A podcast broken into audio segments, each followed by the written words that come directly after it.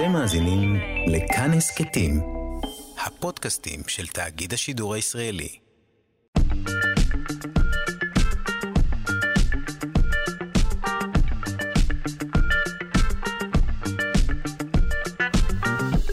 שלושה שיודעים. בוקר טוב, שלושה שיודעים, מבהירים לכם את העולם, גם בשעה שהכל נראה שחור. אה, אני שרון קנטו, העורכת שלנו, אלכס לויקר, המפיקה, דניאל פולק, הטכנאי, אלון מקלר. אה, היום נשוחח כאן, כן, כן, אה, ברוח ימים אלו, על ההיסטוריה של השביתות, וגם כרגיל נהיה כאן עם שלל מחקרים חדשים ומעניינים. אם במקרה אינכם יכולים להאזין כעת, הסירו דאגה מלבכם. אנחנו משודרים גם בשעה שמונה בערב, וגם uh, תמיד אפשר uh, לבחור להאזין לנו כהסכת ביישומון של כאן. Uh, עכשיו uh, נביא לכם את uh, תוצאות הסקר החדש שערכנו, לפיו כדאי מאוד להתחיל עכשיו.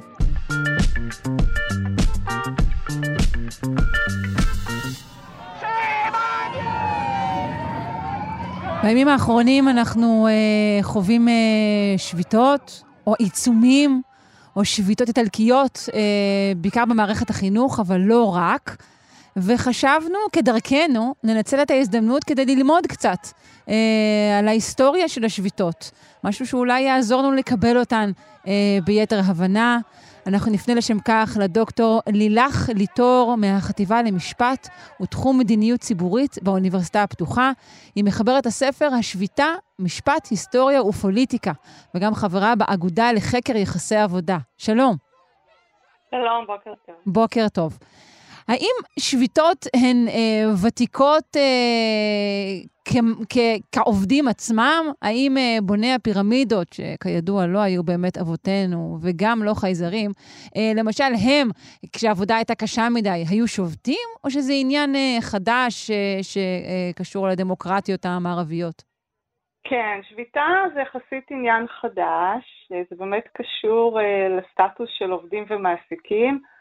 אנחנו יודעים שקו פרשת המים זה באמת uh, המהפכה התעשייתית. לפני זה אי אפשר uh, לדבר על עובדים, כלומר לא היו בעצם עובדים, היו, uh, היו אנשים שהיו מועסקים דרך גילדות, הם היו למעשה עצמאים, כן, ומאסטרים שלפעמים באמת היו להם שוליות באותן סדנאות אומן, והם היו יחסית קבוצה אליטיסטית. כך שהגילדות היו משהו כמו לשכת עורכי הדין, כלומר, אה, נועדו באמת להגן על המקצוע, אבל לא היה עובד. אה, ואחרי המהפכה התעשייתית, אנחנו באמת מתחילים לדבר על אה, היווצרות מושג חדש של מצד אחד סטטוס של עובדים, מצד שני סטטוס של בעלי הון, קפיטליסטים, מעסיקים, ובעיקר ההיווצרות של ארגוני עובדים וכל הנושא הזה התחיל אה, באמצע המאה ה-19, אבל אנחנו צריכים לזכור שלמשל סביב המהפכה הצרפתית, אה, שביתה הייתה אסורה, כלומר זה ממש היה עבירה פלילית. כן, גם באנגליה היה דבר חקיקה שנקרא The Combination Act, וגם בצרפת בכלל שביתות נתפסו והתארגנויות כ... זרות לרוח המהפכה, שהיא דיברה באמת על שוויון לכל, והתארגנות נתפסה כמין איזשהו אה, אה, איום אה, פוליטי ומשהו שהוא בעצם פריבילגיה שנתונה לקבוצות מאוד ספציפיות, בדומה לה, באמת לאותן גילדות שהיו קודם לכן. גם היום באיזשהו אופן היא נתפסת אה, כך לעיתים אה, בציבור, אה, וזאת למרות שהזכות לשבות אה, היא כן מעוגנת בחוק, נכון? הזכות לשבות היא זכות יסוד מאוד חשובה. קודם כל היא מעוגנת אה, ברמה האוניברסלית באמנות בינלאומיות, גם באמנה אה, הכלכלית-חברתית של האו"ם. בסעיף 8.4ד' אה, מופיע במפורש The right to strike, הזכות לשביתה. באמת, אחרי מלחמת העולם השנייה, כש... אה, התחילו להכיר באמת בזכויות חברתיות, בהחלט עיגנו גם את אה, זכות השביתה באותה אמנה כלכלית-חברתית, וגם אה, כמובן שהזכות הזאת מעוגנת באמנות של ארגון העבודה הבינלאומי, בדבר, כלומר, הזכות להתארגנות, וממנה הוועדות של ה-ILO גזרו גם את זכות השביתה כבאמת זכות חשובה. Mm-hmm. אצלנו הזכות הזאת היא לא מעוגנת מפורשות בחוק, אבל היא כן באמת תולדה של פסיקה ענפה של בית הדין לעבודה, ויש כמובן הגנות על זכות השביתה בחוק ההסכמים הקיבוציים, חוק יישוב סכסוכי עבודה. הגנות אך גם הגבלות, נכון? מה? הגנות אך גם הגבלות. כן, תראי, הגבלות בוודאי שהן, דרך אגב, קיימות גם ברמה הבינלאומית. יש דבר כזה שנקרא שירותים חיוניים, גם, גם ה-LO מכיר בזה שבפרשנות של הוועדות שלו, ועדות לענייני התארגנות, שברגע שיש שירות חיוני, אז שזה שירות שבאמת פוגע בהגנה על החיים, על הגוף, למשל חשמל, מים, בריאות, אז כן, ניתן להטיל מגבלות. אצלנו יחסית המגבלות הן יותר מצומצמות, יש לציין, יש מדינות שיותר מרחיבות, אצלנו ההגבלות, כלומר איסור על שביתה, הוא קיים לגבי כוחות הביטחון, כלומר שוטרים, סוהרים, באמת אנשי צבא, שב"כ, מוסד. הם אינם יכולים לשבות כלל. הם אינם יכולים לשבות והם גם אינם יכולים להתארגן. כלומר, שוטרים למשל, אין אצלנו התארגנות של שוטרים, גם לא התארגנות של אנשי צבא. ומכאן גם נגזר שהם לא יכולים לשבור. אבל uh, בסופו של דבר, ב... לגבי שירותים חיוניים אחרים, uh, אין אצלנו מגבלות בחוק עצמו, כלומר בחוק הסטטוטורי, uh, למשל שירותי רפואה, כבאות, אנחנו יודעים שלמרות שהם שירותים חיוניים מבחינת ה-ILO, אז, אז כן אצלנו אפשרי לשבות ברמה העקרונית, אפילו שביתה במים היה פעם בראשית שנות ה-90, שביתה במקורות, וגם uh, בית הדין ציין שאין פה מגבלה uh, אפריורית על שביתות, אבל עם השנים, כמובן שבית הדין ידע למצוא את האיזונים, ובעצם זה נעשה אצלנו, האיזונים נעשים אד הוק, כלומר בית הדין פיתח כלים לעשות את זה, כלים של מידתיות, של איזונים. אני חושבת שגם הארגונים עצמם נוהגים לעשות את זה באמת בצורה מושכלת, ואם יש שביתות ברפואה זה בדרך כלל במתכונת שבת ודברים דומים. משנות חיי, הלא מעטות כבר, אני זוכרת ברמה הבינלאומית כמה אירועי שביתות גדולים. אני, אני זוכרת דיבורים על שביתות קורים, באנגליה, ואני זוכרת, כמובן, וזה לא מאוד ותיק, שביתות בצרפת של נהגי משאיות, נכון? אלו שביתות גדולות מאוד. כן, שביתת הקורים, אני חושבת שזה באמת, שביתת הקורים באנגליה בשנת 84-85, זו באמת שביתה מאוד משמעותית, שבאמת מסמלת את התאצ'ריזם ו... גם מהווה איזשהו קו בין עידן שהיה עידן של באמת עבודה מאורגנת, ועידן שהוא הרבה יותר ניאו-ליברלי, כי uh, באמת uh, עידן של, של תאצ'ריזם, תאצ'ר שמה לה למטרה להיאבק בקוראים, אחרי שהחליטה להפריט את המכרות בזמנו, והיא ממש תיארה אותם, את השובתים, כאויבים מבית, כן? היא אמרה... היא נשאה נאומים ככה בטלוויזיה, שהיא אמרה שאתם הציבור הבריטי, אתם אנשים שומרי חוק, ואילו השופטים הם בעצם איזשהו... הם המון, אויבים, סימנה אותם ממש כאויב. ממש אויבים, כלומר היא הקבילה, היא אמרה, יש לנו את האויבים מבחוץ, שזה באי פוקלנד, ויש לנו את האויבים מבית, שזה בעצם אותם שופטים. ואכן זה, זה באמת אה, אה, אה, הפך לסמל שככה של באמת של אותו ניאו-ליברליזם. היא הכניעה אותם בסוף? איך זה הסתיים? היא הכניעה אותם. הכניעה אותם. וכן, ואנחנו יודעים שבאנגליה במובנים מסוימים יש באמת מגבלות. למשל, יש עניין של בלוט שצריך להצביע, לקבל רוב בקרב העובדים לפני שביתות ודברים נוספים, שבהחלט עוגנו בתקופה הזאת, חוזקו בתקופה של תאצ'ר בזמנו, כן. והרפובליקה, צרפת, שם יש המון, תמיד נראה שם המון המון המון שביתות. בעיקר האמת של נהגי משאיות, אני חושבת. כן, בצרפת יחסית זה יותר נפוץ. איפה שיש יותר מגבלות על זכות השביתה זה דווקא בגרמניה, כי שם באמת יש להם מין קטגוריה שנקראת civil servants, שהיא קטגוריה שבאמת אסור להם לשבות, אבל היא קטגוריה יחסית נרחבת, כלומר היא כוללת למשל גם מורים, קצת דומה לקטגוריה שלנו של שוטרים וסוהרים ואנשי צבא, אבל שם זה הרבה יותר נרחב. ולכן שם באמת יש יחסית מגבלות. אז יש מין איזה דואליות בשוק הציבורי. מצד אחד עובדים שכן יכולים לשבות, ואז באמת זה נבחן בכלים של מידתיות, ומן העבר השני, כאלה שבכלל אסור להם לשבות, כלומר שם באמת המגבלות הן יחסית רחבות. Mm-hmm. Uh, טוב, אנחנו נלך uh, בשלב זה, ונזכיר uh, לכולנו שהשביתות הן תמיד גם שלנו, הן לא של האחר. Uh, דוקטור לילך ליטור, מהחטיבה למשפט ותחום מדיניות ציבורית באוניברסיטה הפתוחה. Uh, נזכיר שוב את שם ספרך, השביתה, משפט, היסטוריה ופוליטיקה. תודה רבה. תודה לכם. להתראות.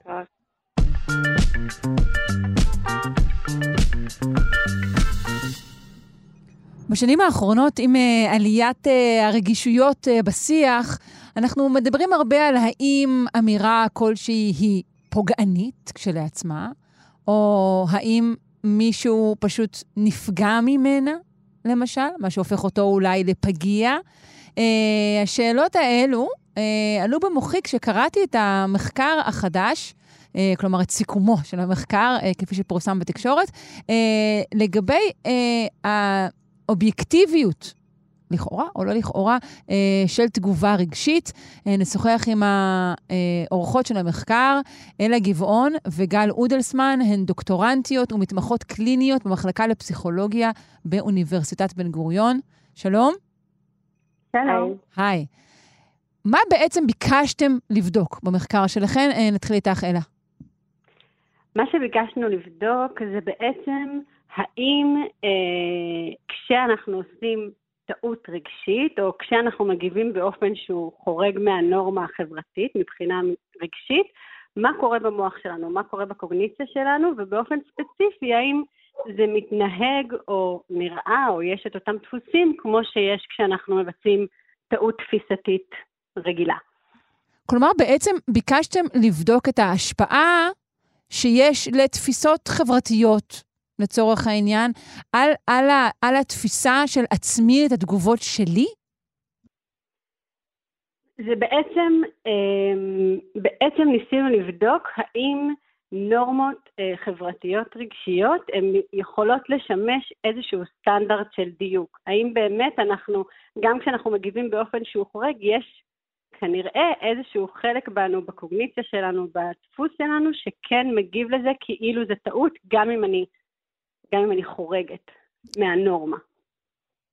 אוקיי. Mm-hmm, okay. זה בעצם ממש uh, מבקש uh, לעסוק גם באותנטיות של, של רגש, אלא?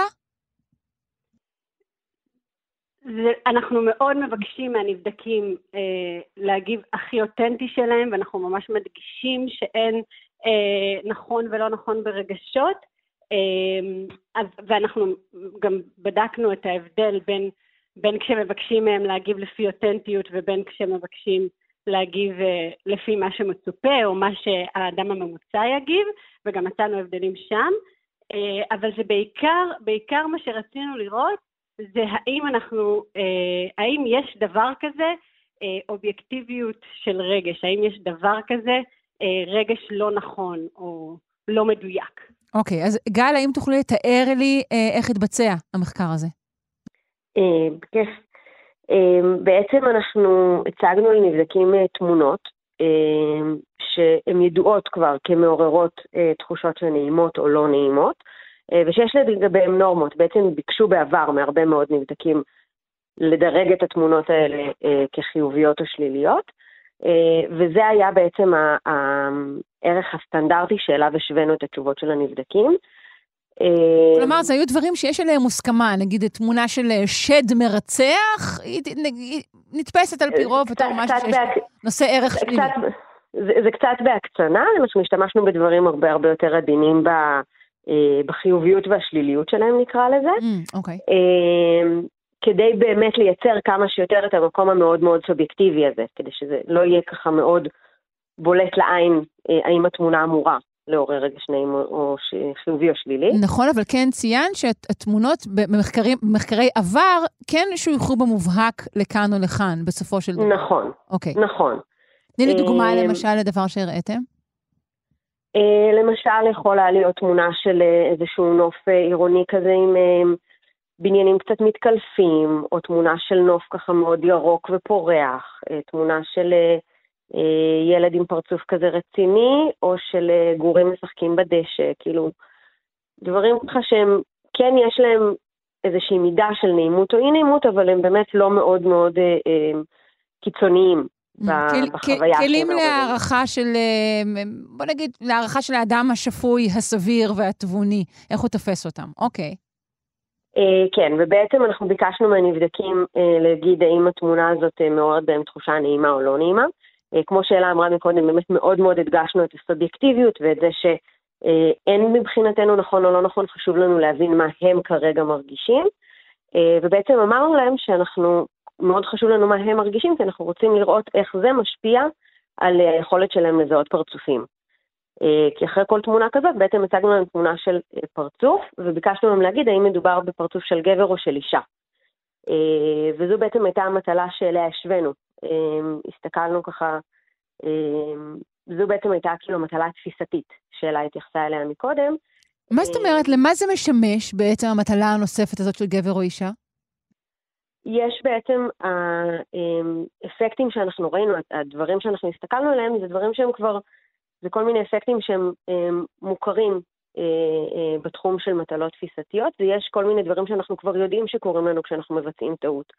לדוגמה, אנחנו נהיים יותר איטיים. ברגע, שאני, ברגע שענינו על תשובה לא נכון, אנחנו יודעים שהצעד שניים הבאים יהיו יותר איטיים.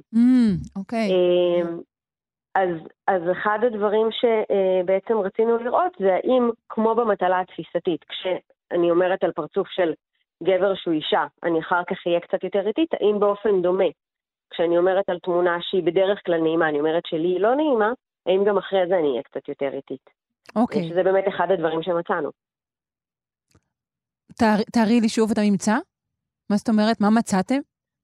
שכמו שאחרי שאני אומרת, אה, כמו אחרי שאני עושה טעות תפיסתית, כלומר ראיתי פרצוף של גבר, mm-hmm. ואמרתי שזו אישה. כלומר, אז... אם, אה, אוקיי, אני מבינה, כלומר, אם הנשאלים דיווחו על משהו שעל פי רוב נתפס כנעים כלא נעים, אז נרשמה איטיות בתגובות ש... שאחר כך, כן?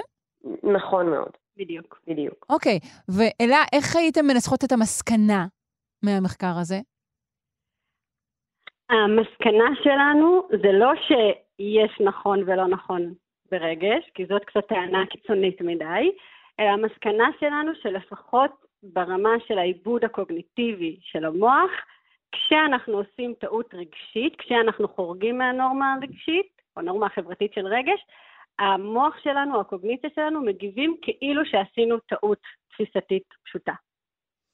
אוקיי, זאת אומרת שהמוח, אה, לא יודעת אם לא מבחין, אבל בהחלט מפתח תגובה דומה לטעויות, גם טעויות תפיסתיות וטעויות רגשיות. משל היו הן טעויות תפיסתיות. ממש ככה. נכון, כן. זה מעניין מאוד. זה ממש מעניין, וזה גם מאוד מאוד לא טריוויאלי, כי זה משהו שהוא כל הזמן בשיח בעולם של חקר הרגשות, אה, שאי, שזה סובייקטיבי ואי אפשר... אה, אה, לאמוד את הנכונות או את האובייקטיביות של זה, וזה לפחות נותן עוד איזושהי, עוד איזושהי נקודת מבט שהיא קריטית לדיון הזה. נכון, וזה גם קושר עוד את הקשר האמיץ בין, בין היותנו יצורים חברתיים ותרבותיים ומושפעים מאוד מאוד מחברה, לבין תהליכים אה, אה, ברורים יותר, תהליכים ביולוגיים אפילו.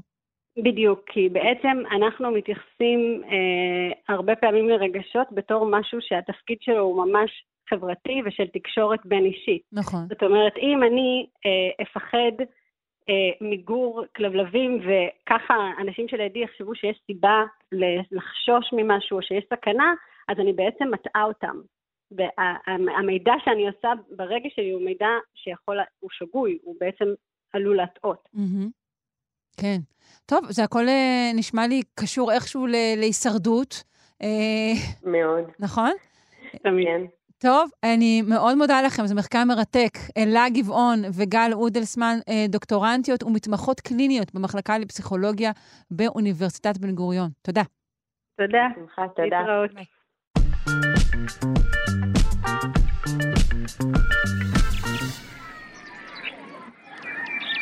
מחקר חדש אה, שאל 1,500 תלמידים מבתי ספר יסודיים אה, עם מי הם אוהבים לשחק. התשובה לא הייתה אייפון 13, כפי שעניתם כולכם מיד, אה, אלא תשובה אחרת לגמרי. אנחנו נפנה לפרופסור אסתר עדי יפה מהתוכנית להתפתחות הילד בפקולטה לחינוך, אוניברסיטת בר אילן. שלום. שלום, בוקר טוב. היי. Uh, טוב, הסיבה שהם לא ענו uh, אייפון 13 היא שבעצם השאלה הייתה איפה תרצו לשחק מחוץ לבית, נכון? במחקר הזה. כן, במהלך uh, יום מדע של uh, בתי הספר בהולנד, הילדים בעצם התבקשו לצייר על ריבוע של נייר את המקום שאהוב עליהם למשחק בחוץ. אוקיי, קודם כל נעצור במילים יום מדע והולנד, ננשום רגע אל תוך הדבר הזה ואז נמשיך. אוקיי, okay, אז, כן. אז נתנו להם נייר ואמרו להם לצייר את המקום שהם רוצים לשחק בו בחוץ, בטבע. נכון, נכון. אוקיי. ו- ומהצד השני הם היו צריכים להסביר uh, מהו המקום, למה הם בחרו בו ועם מי הם משחקים בו. אוקיי, אנחנו מדברים על ילדים uh, בני 7 עד uh, 12 שנים. אוקיי. ילדים בגיל 7 עד 12, כן. ומה יצא? אז, והילדים התבקשו לסווג את הפריטים בציור שלהם לפי כמה קטגוריות, האם זה טבע טבעי, כן, טבע טבעי ממש, או אולי זה טבע מלאכותי שעשוי אה, בידי אדם, למשל דשא. אני, הם השת, השתמשו מולם במינוחים כאלו? אני מניחה שלא. אה, לא, הם הסבירו, הם נתנו דוגמאות. אוקיי. נתנו דוגמאות לכל אחד מהם. נגיד לג'ונגל, ג'ונגל לעומת גן ציבורי לצורך העניין. כן, או האם זאת סביבה שעשויה ביד אדם, למשל אספלט, משחק בין בניינים? האם אוקיי. מדובר על משחק באזור של מים, או אם הילד לא יודע? כלומר, הם, היו להם שם כמה חלוקות לאזורים. הבנתי. ובזה הם התמקדו. התשובה הנפוצה ביותר שילדים נתנו לאיפה הם רוצים לשחק מחוץ לבית הייתה גן משחקים. בעצם אה, מעל שליש מהילדים ענו את התשובה הזאת. לא נפלנו מהכיסא ממש והתרסקנו לחתיכות. כאילו, זו תשובה הגיונית. לא, ממש לא נכון. מה שמעניין במחקר הזה זה החלוקות אחרי זה. אז באמת אה, אה, היו כאלה שבחרו בסביבה שהיא יותר טבעית, כמו אדמה, או כאלה שבחרו סביבה שהיא יצירת אדם, אה, היו כאלה שבחרו ממש ביער. מה שמעניין אה, זה ש-20% מהילדים ציירו סביבת משחק דמיוני. לא וואי, משהו שהם חמודים. מכירים, לא מגרש. הם ציירו סביבת משחק דמיונית, שזה מעניין. והסביבות האלה הדמיוניות הכילו המון פריטי משחק, יותר ממה שאפשר למצוא בסביבת משחק אמיתית. Hmm, עכשיו, וגם אה, מן הסתם יותר ממה שאפשר למצוא בטבע. כלומר, הם כן דווקא רצו אה, איזשהו ריבוי של גירויים, אולי יותר ממה שהם מקבלים? יכול להיות, כן. ובנוסף, חשוב להגיד ש-90% מהציורים התייחסו לסביבה שבה ילדים יכולים לשחק ללא השגחת מבוגר. הם לא כלומר- כולם ציירו את אימא ב- ב- ב- בשאלה של עם מי? לא, מסתבר שאפילו 90% מהם לא ציירו את אימא. אני תובעת את אה, עלבוני ואת עלבונן של האימהות כולן. לא, ילדים רצו לשחק בדרך כלל עם חברים, אבל, אה, אבל בלי מבוגרים. כן, זה דבר מבוגרים. שחוזר על עצמו. הבנתי. Um, עד כמה, שוב, אה, אה, לא שאלו אותם על, על, על, על משחק אינדור, מה שנקרא, בת, אה, בתוך הבית בכלל, אבל עד כמה המחקר הזה אה, ככלל אומר דברים לגבי האופן שבו אנחנו מגדלים את ילדינו היום? האופן המגונן, אה, האופן שהוא באמת, אה, אני חושבת ששעות ארוכות יותר ילדים נמצאים בתוך הבית. אז ככה, אז, אז אנחנו יכולים לראות את זה לפי העדפות שלהם, בגלל שבכל זאת הסביבה משפיעה עליהם. אה, למשל, אה, ילדים שהיו שייכים לסביבה יותר עירונית, באמת נתנו פחות תשובות שכללו טבע. הם תיארו יותר את הסביבה שבה הם חיים. כלומר, זה לא שהם רוצים לצייר, לשחק בסביבה שהיא מחוץ לאזור שלהם, הם לא מגיעים לסביבה הרחוקה יותר. הם לא יכולים אולי אפילו לדמיין אותה. נכון, כלומר, לא אנחנו מגיעים מדברים אליה. פה על, על ההמשגה בכלל של, של, אה, של, של טבע או של כל, כל, כל דבר בעצם. נכון, ולכן אפילו כשילדים מתארים סביבה דמיונית, הם לא מתארים סביבה דמיונית טבעית. כש, כי כמו שאת אומרת, היא לא נגישה להם. אה, ועוד צריך להגיד שלמה הם רוצים לשחק, אז הם אמרו בדרך כלל ספורט, 30% אמרו ספורט. אה, אה, רק מעטים דיברו על משחק עם חבר או בחבורה בתור הסיבה לצאת החוצה. רק 7%. זאת אומרת שהם רוצים לשחק בלי השכחת מבוגר, ופשוט להרגיש חופשיים, זה הדבר שחשוב להם, והם עושים את זה במגבלות מה שהם יכולים, במגבלות מה שהם יודעים. צריך לציין שבישראל, הזכרת ספורט, גם בגילאים הצעירים, זה לא שבחינוך הממלכתי יש במערכת כל יום שעה או שעתיים של ספורט או משחק חופשי, ממש ממש לא. יש ימים נכון. שלמים שבהם יש רק הפסקות שאורכן הכולל הוא כ-25 דקות לאורך כל יום הלימודים. נכון, וגם את הזכרת בהתחלה את הנטייה של הילדים לשחק מול מסכים. בעצם זה מצטרף למחקרים רבים שאנחנו יודעים שמדברים על אה, ירידה ביכולות המוטוריות של הילדים בעקבות חוסר התנסויות, ובנוסף לזה לתופעה של יושבנות, שבסופו של דבר מקושרת גם להשמנה, העובדה שאנחנו יושבים יותר, כן. ופחות מתנועעים. נכון. אז בהחלט זה, זה יכולה להיות תוצאה של הסביבה העירונית, שבה הילדים גדלים, שהם פחות חושבים על טבע ועל בחוץ, בתור מקום, זאת אומרת, על טבע פתוח, בתור מקום שהם יכולים לשחק בו. כן, אה, כן, התופעה המעניינת שמוזכרת פה, שבאמת אה, אה, דיברת עליה בעקיפין, היא מה שהוגדר כאובדן זיכרון. זאת אומרת שאם אה, הדור של ההורים היום, נגיד שהוא מדבר על דבר שהוא כמה אליו אה, או מדמיין אותו, אז אולי הוא מתאר משהו שמכיל יותר טבע מאשר הדור mm-hmm. הצעיר, וייתכן שדורות הבאים, בכלל זה כבר לא יהיה ב- ב- ב- בתוך אה, אה, עולם הדמיון או המושגים שלהם. נכון, כי הם לא יראו. מה שהם מציינים בהתחלה זה, כמו שאת אמרת, בגלל שאנחנו יותר מגוננים, ילדים היום, וגם הסביבה באמת יותר מסוכנת, מתרחקים פחות מהבית. זאת אומרת, כאשר הם יוצאים לצאת החוצה לשחק, הם לא מתרחקים כל כך מהבית. ומכיוון שהם לא מתרחקים מהבית, במיוחד בסביבות עירוניות שבה רוב הילדים גדלים, הם לא פוגשים טבע. אם כבר, הם פוגשים גינת משחקים. כן. ולכן אין להם את הזיכרון הזה של מה זה בכלל יער. כן, מה זה בכלל סביבה שדה? בכלל אה, שלא לא ניכרת בה איזושהי אה, הנדסה כלשהי או, או נוכחות תכנונית. נכון? נכון. כמעט לא רואים את זה. יד, נכון, או נוכחות יד אדם, נכון. את חושבת ש... הזיכרון הזה נכחד, ולכן כן. זה בעצם משפיע על התודעה שלהם בצורך בסביבה כזאת, כן? נכון, וזה ישפיע גם על היותם מבוגרים מתכננים בעתיד, מן הסתם. נכון, בזמן שאנחנו יודעים שסביבות כאלה מאוד חשובות. כן, ראינו את זה רק בתקופת הקורונה, ראינו כמה סביבות כאלה מאוד מאוד חשובות. נכון. את חושבת שאם אה, מחקר כזה היה נערך אה, בארץ ולא באותו יום מדע בהולנד, אה, את חושבת שהתוצאות היו דומות? ההנחה שלי היא שכן, משום שהנתונים של הצפיפות שהם מביאים אותם כאחת הסיבות למחקר דומים בהולנד ובישראל. כלומר, הצפיפות לקילומטר מרובע היא די דומה בהולנד ובישראל. באמת? אוקיי. אה, נכון, זה מפתיע, גם אני, גם אותי זה הפתיע, אבל הסתכלתי בוויקיפדיה, זה דומה. לא כל כך שונה. אה, אז כן, במיוחד בתושבי הערים, אני מניחה שאלה התשובות שאת תמצאי. מעניין מאוד. מאוד. חשוב מאוד ל, ל, ל, לתכנן סביבות משחק עבור ילדים בתוך העיר, זה חשוב. נכון. זה, ו- אבל, אבל באמת, כמו שאמרת, איכשהו לתכנן אותן כך שאולי לפחות ייראו כאילו שיד אדם לא נגעה בהן בכל מקום. אה, זה נגיד, אה, אני חושבת שבהיסטוריה של התכנון העירוני, זה בולט במיוחד בתכנון של אה, פארק פרוספקט בברוקלין, שנעשו ניסיונות לתכנן אותו, משל הוא היה פארק בטבע. אני חושבת שהכוונה של החוקרים הייתה שההורים צריכים להוציא את הילדים אל הטבע. שהם צריכים לעשות את זה. כן. אבל זה קשה, יש פקקים, תגידי להם. נכון, יש פקקים ויש הרבה ימי עבודה, נכון. כן. אבל, אבל בכל זאת, אחרת לילדים לא יהיה זיכרון של מה זה טבע. טוב, נשתדל, נעשה מאמצים. Uh, תודה רבה לך, הפרופסור אסתר עדי יפה, מהתוכנית להתפתחות הילד בפקולטה לחינוך, אוניברסיטת בר אילן. תודה רבה.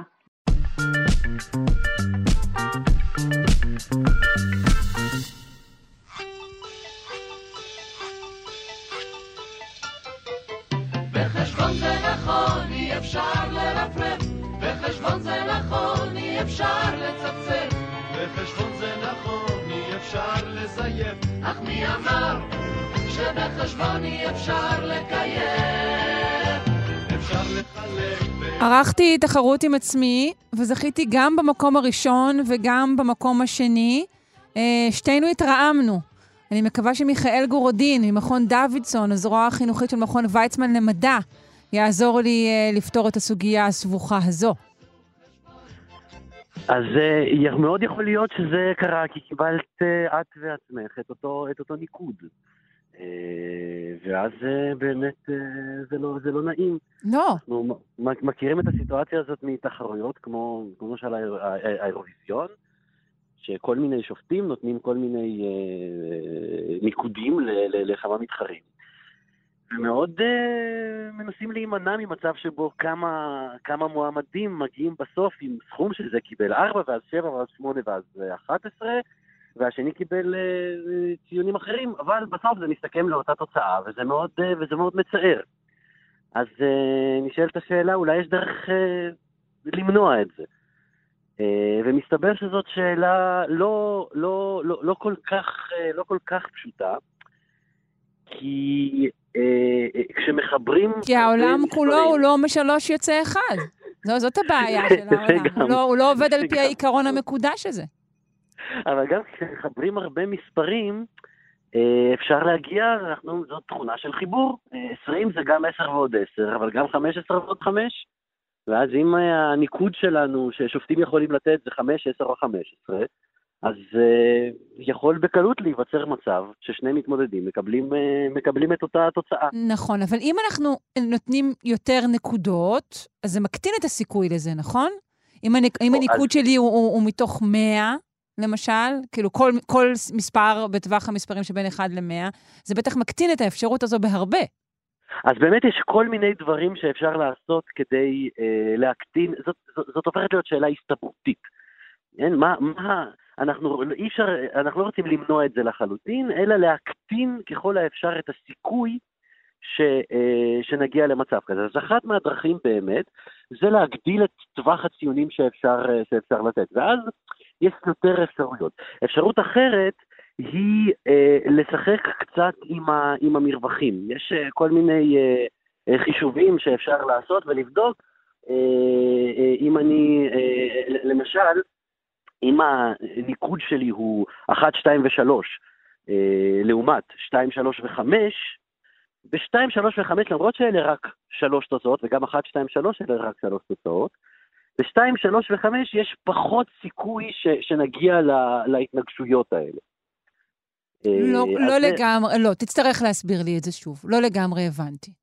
אז כדי לראות את זה יותר בקלות, אפשר להסתכל פשוט על, נגיד יש לנו שני שופטים. במקום לחשוב שכל מתמודד מקבל ארבעה או חמישה ציונים, שאז החישובים הופכים להיות מסובכים ומורכבים, אפשר להסתכל על מצב שבו בן אדם מקבל רק שני ציונים. אם אני יכול לבחור מתוך הציונים 1, 2 ו-3, אז יכול להיות שאני קיבלתי 1 ו-3 משני השופטים, ואת קיבלת 2 ו-2 משני השופטים, ו, אה, והנה, והגענו לתיקו. והגענו לתיקו. יש ארבע נקודות, mm-hmm. ולך יש ארבע נקודות. אבל אם השופטים יכולים לתת ציון, ציונים של שתיים, שלוש או חמש, אלה הציונים שהשופטים יכולים לבחור לתת לי ולך. אין, אין, אלא אם כן באמת אני קיבלתי פעמיים שתיים, ואת קיבלת פעמיים שתיים, או אני קיבלתי שתיים ושלוש, ואת קיבלת שתיים ושלוש, אלא אם כן ממש קיבלנו בדיוק את אותם ציונים, אי אפשר לייצר את אותו סכום מציונים שונים, אם הציונים שלהם היו 2, 3 ו-5. יפה.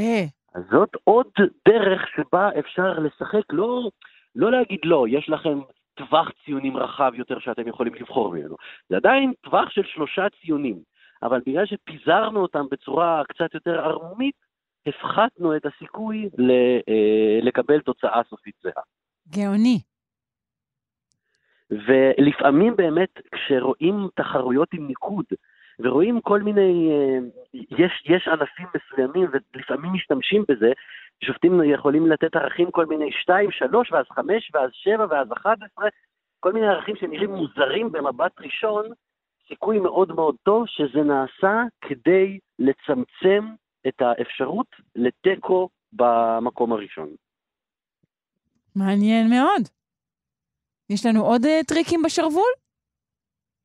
אה, כן, האמת שאפשר, אחד מהטריקים שאפשר לעשות עם אה, סוג כזה של אה, אה, תכונה זה פחות כדי אה, לצמצם את הסיכוי, אבל זה שימוש באותה, אה, באותה, תכונה, באותה תכונה המתמטית.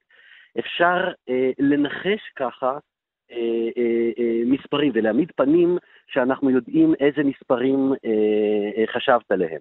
כי אם אני נותן לך לבחור אה, מספר מבין רשימת קלפים שבחרתי בערמומיות, ואני אומר לך לבחור שני מספרים ולחבר אותם, ולגלות לי רק אחד מהם, אז אם בחרתי בצורה נכונה את האפשרויות שנתתי לך לחבר, למשל, אם אמרתי לך מתוך 2, 3 ו-5, אז אני יכול לדעת מה המספר שחשבת עליו, אם את אומרת לי רק אחד מהם. שוב, עם השימוש בתכונה הזאת, שיש רק דרך אחת להגיע לכל, אה, לכל סכום. וזאת, יש לפעמים קסמים וטריקים של כביכול קריאת מחשבות, שמשתמשים באותה תכונה, ברצון לצמצם עד כמה שאפשר את היכולת להגיע לאותו הסכום ממחוברים שונים. יפה, מתמטיקה היא גם אה, קסם בדרכה. אה, מיכאל גורודין, אנחנו מודים לך אה, ממכון דוידסון, הזרוע החינוכית של מכון ויצמן למדע.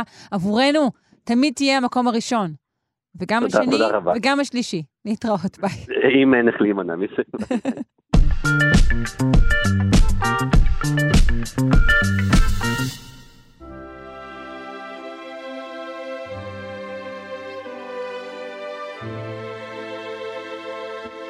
אהה, פינת השירה עם רונה ישראל קולט, מורה לפיתוח קול ומנהלת קוואלי, כיתות האומן והתחרות הבינלאומית לשירה אומנותית בזיכרון יעקב. שלום. שלום שרון. אנחנו רוצות לשוחח היום על האופרות של מוצרט, כשאנחנו שמות את המילה של במעין אה, סוגריים מסולסלים. את צודקת, אני לא יודעת אם נספיק לדבר על כל האופרות של מוצרט, אבל uh, נשאל את זה בצורה כזו, אה, קצת כמו ספר מתח, אה, מי באמת כתב את האופרות של מוצרט. Mm-hmm. ניתן את כל העדויות, ואולי בסוף נטיל איזו פצצה אמיתית שתרעיש את כל עולם התרבות, או, או שלא. אבל uh, כדי להבין באמת למה השאלה חשובה ולא רק איזה טיזר, צריך להבין את רוח התקופה. אז אני אתן טיפה רקע. כי אופרה במאה ה-18 היא לא מה שהיא כיום, היא בהחלט לא המקום המנומס והמרוחק כפי שהוא אה, אולי נתפס כיום בעיני הציבור. אה, אופרה זה משהו די שולי, אני חושבת ז'אנר שהוא לא תופס כותרות, אבל ב... הזכרנו את זה בהקשר של הפרימדונה, שדיברנו עליה באחת הפינות וגם תצוץ היום, שבית האופרה במאה ה-18 וגם ה-17 וגם ה-19 הוא מקום סוער ויצרי, שקובע בהרבה מקרים את סדר היום החברתי, הפוליטי, אפילו הכלכלי. כי תחשבי שאין הרבה מקומות שבהם החברה באמת יכולה להיפגש, אין מקומות ציבוריים, לא מקובל ללכת לבתי קפה, לא, לא ל... בטח שלא לאצילים, חנויות, אין הרבה מקומות שבהם המעמדות יכולים אה, להיפגש מחוץ להיררכיה המעמדית, וברור שהם לא יושבים באותו מקום בבית, גם בבית האופרה, אבל הם עדיין באותו מקום והם חווים יחד את אותה חוויה, אז זה מקום מאוד סוער ומאוד מאוד תוסס. כלומר, כיכר לנצל... העיר היא בעצם בית האופרה. נכון, נכון, זה, זו כיכר העיר. התיאטרון ובית האופרה, צודקת, זה כיכר העיר על כל מה שמשתמע מכך. זה יכול גם לנצל את מה שקורה פה, אה, ואפשר גם לשקף או להשפיע על אה, רוח התקופה בעזרת מה שקורה שם. למשל, כשהקיסר יוזף השני, קיסר האימפריה הרומית הקדושה, קיסר הקיסרות האוסטרו-הונגרית, הוא היה שליט נאור, היהודים כמובן זוכרים אותו לטובה, הוא השוויון בפני החוק, הוא שליט בהחלט נאור, רוצה לחזק את הלאומיות הגרמנית, הוא הופך את בית האופרה המפואר שאימא שלו, הקיסרית מריה תרזה בנתה, לבית האופרה הגרמני הלאומי, ושרים שם בגרמנית, זמרים גרמנים, וזה בתקופה שיש הבדל ברור בין אופרה גרמנית, שנחשבה עממית יותר, לאופרה איטלקית. היא זו ששלטה בזירה, היא הייתה המכובדת, היא הייתה האצילית, הנאצלת, גם מבחינת הטכניקה וגם מבחינת אופי היצירות, אז זו בהחלט אמירה פוליטית אז כשמוצרט חוזר לגור בווינה הוא צריך לכתוב אופרות גרמנית, ואם הוא רוצה למצוא עבודה ולמצוא חן בעיני הקיסר, הוא צריך לכתוב אופרות בגרמנית, למרות שהוא עצמו עדיף לכתוב אופרות איטלקיות. Mm-hmm. אז בואי נשמע אריה מתוך האופרה שהוא כתב לתיאטרון הזה ב-1782, את החטיפה מן ההרמון. ואפשר להזכיר פה במאמר מוסגר את ההשפעה הטורקית החזקה, הרי עד המאה ה-17 שתי האימפריות היו אויבות מושבעות, והיו את היאניצ'רים שמסתובבו ברחובות אה, וינה, אז uh, כמו שאנחנו יודעים, תמיד האויבים הופכים להיות דבר מאוד מאוד מושך, אז יש כאן השפעה טורקית חזקה. נשמע קטע מתוך האריה של קוסטנצה, מרטן על הארטן, עינויים מכל הסוגים. Befreit Tod, Thank you.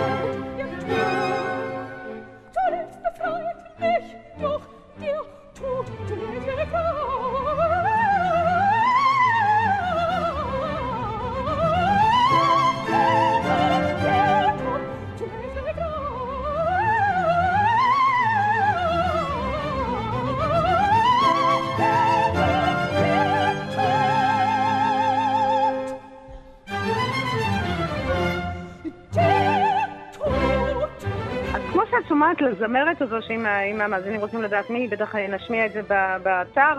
אה, אם אה, יש לה יכולת, לזמרת הזו בהחלט הייתה יכולת, ואחת הסיבות הנוספות שבית האופרה היה מקום כל כך מלהיב, ואני חושבת שאחת הסיבות שהיום קצת פחות, זה כי יכולת לשמוע שם זמרים מדהימים, אבל לא רק, גם היום יש זמרים מדהימים, אבל זו התקופה שבה הזמר הוא המלך. ולא המלחין, באים לשמוע מה הזמרים יעשו, איך הם יאפילו אחד על השני, איך הם יאלתרו על המקום את זיקוקי הדינור הקוליים האלה, כך שכבר לא כן. מזהים את היצירה המקורית של המלחין. זה באופן מסוים מה שקורה היום דווקא בפופ, שהמבצעים הם, נכון, הם העיקריים, האנשים לא יודעים בכלל מי כותב את השירים, וזה גם לא מעניין אותם. את צודקת לחלוטין, אני חושבת שגם הסיבה שזה קרה זה בגלל ש... אני, אני אגיד לך את השמות של הזמרים, פרדיננדו טנדוצ'י, אנטון רף, מריה מרקטי פנטוצי, מי את שואלת בצדק? מי אלה? האומנות שלהם התפוגגה כי אין להם הקלטות, והיום באמת אפשר להנציח את, ה, את העבודה, את היצירתיות המופלאה של הזמרים, אבל אז ה- היצירה עצמה נכתבה על ידי הזמר וגם על ידי המלחין, והמלחין פשוט היה סוג של אה, כלי לשרת את הזמר. אני חושבת שזו הסיבה שהיום אנשים לא כל כך אוהבים אופרה, כי כמה אפשר לשמוע את אותה יצירה? כשאת הולכת לבית האופרה, את יודעת בדיוק מה תשמעי, אבל הקהל של המאה ה-18 ידע שגם הוא ילך לשמוע את אותה אופרה שוב, זה לא יהיה אותו דבר, כי הזמר מאלתר כמו שזמר ג'אז מאלתר. אז החלוקה הזו במעמסה היצירתית התחלקה אולי לא שווה בשווה, אבל בהחלט בין המלחין לזמר. כן. תחום חי. אה, היה זה תחום חי, כן. כן, אפשר גם לזרוק עליהם עגבניות, אני חוזרת ואומרת, שווה לזרוק עגבניות שהזמרים אה, יעבדו קשה, שיהיה מסעיר. אבל מוצרט אהב זמרים, והוא ידע לכתוב להם כך שהם לא יצטרכו אה, לאלתר כל הזמן, להתאים את המוזיקה למידות ולגחמות שלהם. ואת התפקיד הווירטואוזי והתובעני הזה ששמענו, הוא כתב בשביל קטרינה קבליירי, זמרת אוסטרית שהייתה כנראה המאהבת של סליירי, ומי שזוכרים מהסרט כיריבו של הנמסיס של מוצרט, אז מי שכתב את האופרה הזו, מי לדעתך? אני אומרת, הקיסר יוזף השני עם הרפורמות שלו וקטרינה קבליירי, וגם הטורקים. זאת אומרת, ידוע שמוצרט שינה, הוריד סולמות, הוסיף חלקים שלמים לארץ למענה כדי להבליט את היכולות שלה, כמו החלק המהיר ב...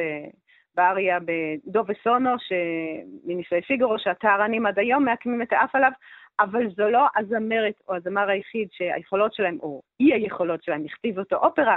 ב-1990, אחרי האופרה הזו, מוצרט כתב את האופרה קוזי פנטוטה, כך עושות כולן, לאותו תיאטרון, אבל כבר אז הפעם באיטלקית, כי הקהל כנראה לא, לא ממש אהב את הגרמנית. באמת לקח עוד כמה עשרות שנים עד שהקטע של הלאומיות יתפוס. את הליברטו כתב לורנצו דה פונטה, והשיתוף פעולה שלו עם מוצרט הטיב עוד שתי אופרות מופת, נישואי פגורו ודון ג'ובאני, והסיפור הוא חקירה של מהות האהבה, שזו דרך מעוגנת לתאר עלילה של חילופי זוגות. שתי אחיות שמחליפות ביניהן את המאהבים שלהן. ונזכור שמוצרט היה נשוי לקונסטנטה ובר, אבל קודם לכן הוא היה מאוהב באחותה, אלואיזה, הזמרת המכוננת, והמאהבת של דה פונטה הייתה הזמרת אדריאנה פררזה דל בנה, ומוצרט לא סבל אותה. כנראה שהיא, לא יודעת, השפיעה יותר מדי על דה פונטה, אה, היה לה מנהד עצום, אבל היה ידוע שאת הצלילים הגבוהים היא הייתה שרה עם ראש מוטה אחורה, ואת הצלילים הנמוכים עם ראש מוטה קדימה. אז בואי נשמע איך מוצרט התנקם בה. נשמע את הזמרת מיה פרסון באריה, כמו סלע, כמו מסקוליו.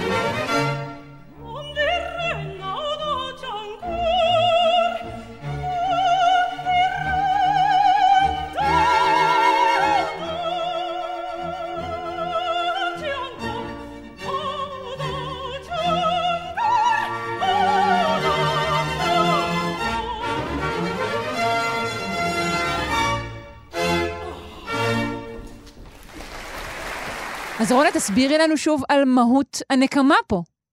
טוב, אז בגלל שהיא עולה במהירות מצלילים נמוכים מאוד לצלילים גבוהים מאוד, וכבר אמרנו שאת הצלילים הנמוכים נשאר עם ראש מוטה קדימה, ואת הגבוהים עם ראש מוטה אחורה, את יכולה להבין שהזמרת הספציפית הזאת הייתה, נראתה קצת כמו תרנגולת.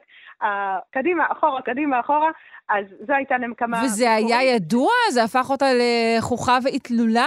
ממש כך, וזה אפילו uh, במקורות מצוטט, וזו הייתה הנקמה הקטנה של מוצרט, כי למעשה האריה הזו פנטסטית, זו אריה uh, מאוד וירטואוזית, uh, אבל uh, הוא ידע ש... כמובן שזו לא הסיבה היחידה, אני חושבת כל העניין הזה של מי כתב את האופרות של מוצרט זה כדי להראות שהיצירות המופת מתכנסות לפרטים קטנים, מי הכתיב את האריה הזו, הנסיבות המשפחתיות, והזמרת שמוצרט לא סבל, אבל כמובן שזקוק, אה, אנחנו צריכים את הגאון שמוצרט היה כדי לעשות מכל הנסיבות האלה שהצטברו, שהוא כמובן אה, השפיע על כל אחד, אבל זה לא הייתה אה, יצירה שהוא ישב וכתב ללא השפעות אה, אה, מתוך איזושהי אג'נדה שהוא יושב בחדר וזה נשפך ממנו, לא, זו יצירה שמשקפת את הנסיבות של החברה, של אה, האישיות שלו, וכמובן. הזמרת, הזמרים. את הזמרים. אז בואי נסיים עם, ה... עם שתי זמורות עם דואט נפלא אה, שנשמע אה, מתוך השאושפיל דירקטור, האמרגן, ששומעים שתי אה, זמרות שרבות ביניהן, שתי פרימדונות מתוך הדואט אני הזמרת הראשונה. נשמע את איבון קני וג'ודית האווס. עם ברי בנק, שומעים שם את הזמר ברקע מנסה, מנסה להגיד משהו, אז זה ממש כמו מוצרט בין שתי, שתי הפרימודונות שלו, uh, ואנחנו נשמע את ה, שוב את הווירטואוזית המדהימה ואיך מוצרט מנצל okay. את הכל אוקיי. כדי לכתוב את יצירות המופת שלו. אך לפני שנשמע, קודם כל נודה לך, רונה ישראל קולט, מורה לפיתוח קול ומנהלת קוואלי, כיתות האומן והתחרות הבינלאומית לשירה אומנותית בזיכרון יעקב. וכמובן שאנחנו אוהבות ומעריכות אופרה גם כיום, למקרה שמשהו אחר ישתמע, נכון? ודאי, אבל אנחנו רק נביא איתנו את העגבניות כדי שנפעיל את הזמרים שמסעיר, יחזור להיות מסעיר. עגבניות שרי, בסדר גמור, תודה.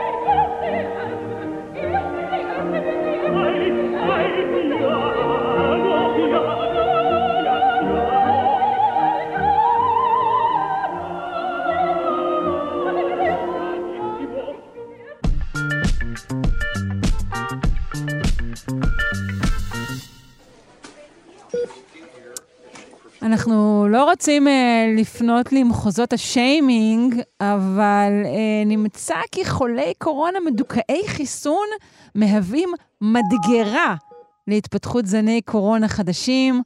אנחנו נפנה להבהרות ותיקונים אה, לאמירה מקוממת זו אה, לפרופסור עדי שטרן מבית הספר למחקר ביו-רפואי וסרטן על שם שמוניס בפקולטה למדעי החיים, אוניברסיטת תל אביב. שלום. שלום רב. שלום. אז מה המחקר אה, שלכם מראה? אה, מה המחקר שלנו מראה? אז קודם כל, בשביל באמת אה, למתן מעט את המרכאות אה, שיימינג, אז באמת אני אתחיל מזה ש... שכן, כלומר, חולים שיש להם אה, מערכת חיסון מדוכאת, שזה לעיתים חולי סרטן המטולוגי, סרטן דם, או חולי איידס, או אה, חולים מושתלים, אה, אז הם באמת בסיכון לפתח מחלה כרונית של קורונה, הם חולים לפעמים אה, חודשים ולפעמים אפילו שנים בקורונה. אני רואה שאת לא משתמשת בביטוי הנחשק long covid. לא, זה לא לונג קוביד. זה לא, אה, אז אוקיי, לא. לא, זה לא לונג קוביד. לונג קוביד זה מצב שבו הווירוס אה, נעלם כבר מהגוף, אבל הסימפטומים ממשיכים. ופה זה לא המצב, הווירוס ממשיך להתרבות בגוף, אה, ומנקודת המבט של הווירוס הוא מצא את המקום האידיאלי, כן, הוא מתרבה ומתרבה עוד ועוד. אה, ו- וכן, והאנשים האלה באמת אה, חולים, ו- והם בסיכון מוגבר, כן, לכל התופעות הלא נעימות של הנגיף, כולל אשפוז, כולל התפתחות של מחלה קשה. אה, וכן, ובו זמנית הם גם בסיכון לפתח בעצם אה, מוטציות, הרבה מאוד מוטציות אה, של הנגיף מתפתחות בחולים כאלה. כלומר, זה לא רק שהם סובלים, אלא הם באמת, אה, שוב, המילה הזו מדגרה, זאת לא מילה טובה. לא, בעצם, זאת לא מילה טובה. נכון, כן. אנחנו צריכות למצוא מילה אחרת. אבל, אבל מתפתחות אצלן מוטציות. נכון, מתפתחות, בעצם יש הרבה מאוד מוטציות שמתפתחות. המדגרה זה מנקודת המבט של הנגיף, אוקיי? כלומר, הנגיף בעצם נמצא בסביבה שהוא מצליח להתרבות עוד ועוד ועוד. אה, ומנקודת המבט של הנגיף הוא מצא בעצם איזשהו מקום שהוא יכול אה, להמשיך לשרוד בו אה, ללא, כמעט וללא הפרעה. אוקיי. אמ, אז כן, אז באמת הממצאים שלנו מראים שמה שאנחנו רואים בחולים האלה, בחלק מהחולים האלה, זה שממש מתפתחים שם אה, אה, ורי...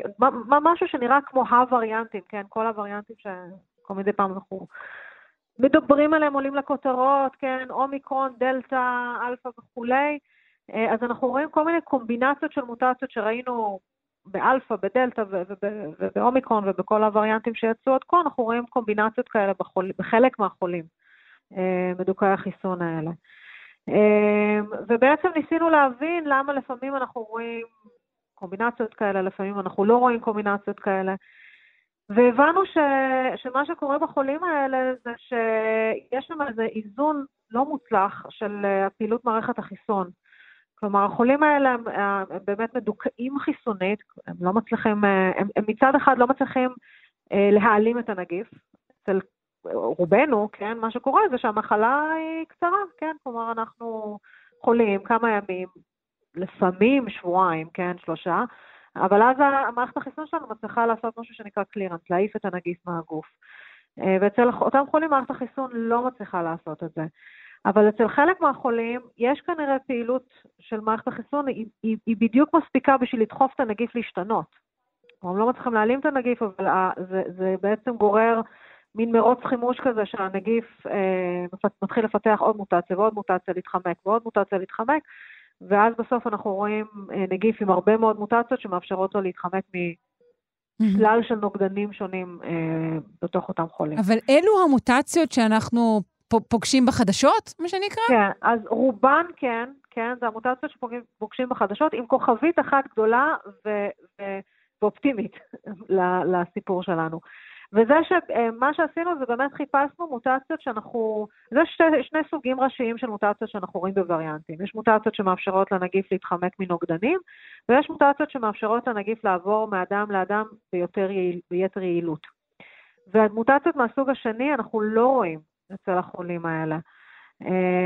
כלומר, אנחנו, ובאמת גם מהתחקירים האפידמיולוגיים של החולים האלה ראינו ש, ש, הם לא העבירו הלאה את הנגיף, הם לא הדביקו את הסביבה שלהם. וזה חדשות משמחות, זה אומר שבעצם הנגיף, שוב, במרכאות, אני עושה פה האנשה, כל כך שמח אצל, ה... אצל החולים האלה. חוגג, כן. חוגג, אבל אין לו אינטרס, הוא אין לו עניין, שוב, במרכאות, לעבור הלאה. ו... ואנחנו לא רואים מוטציות באמת שקשורות ליכולת לעבור, לעבור מאדם לאדם. אז אנחנו חושבים שלסיכומו של יום, באמת, זה שוב, במרכאות כפולות ומכופלות מדגרה, ונוצרות הרבה מאוד מוטציות, אבל ברוב רוב המקרים לא נוצר וריאנט שיכול להתפשט הלאה. אוקיי, זה חדשות טובות, אבל עדיין אנחנו נכון. צריכים להגן במיוחד נכון. אה, אה, על מדוכאי חיסון. נכון, נכון, כי אחת לכמה, ואני לא יודעת אחת לכמה, אני לא יודעת אם זה אחד לאלף, אחד למיליון, אחד לאיזשהו מספר גדול, כנראה שכן מתפתחת מוטציה שמאפשרת לנגיף הזה לעבור הלאה, ואז אנחנו מקבלים את אומיקרון, את מה שזה לא יהיה. וגם כן? כי הם עצמם סובלים מאוד וחייהם בסכנה. נכון, לא רק בגלל נכון. מה שקורה לנו. נכון, אז יש פה, יש פה סיבה כפולה ומכופלת לשמור עליהם. גם הסיכון, גם הסיכון האישי שלהם, וגם כי זה באמת מסכן את כולנו. בהחלט. פרופסור עדי שטרן, מבית הספר למחקר ביו-רפואי וסרטן על שם שמוניס בפקולטה למדעי החיים, אוניברסיטת תל אביב, אני מודה לך מאוד. בריאות שלמה. תודה רבה, להתראות.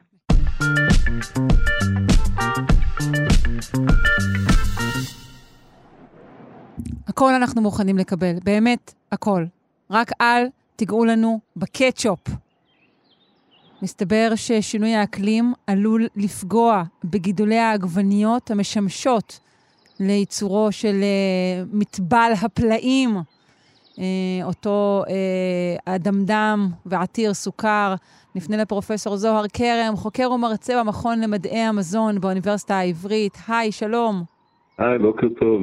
מה ההבדל בין עגבניות אה, לסלט לבין עגבניות לקטשופ? יש הבדל?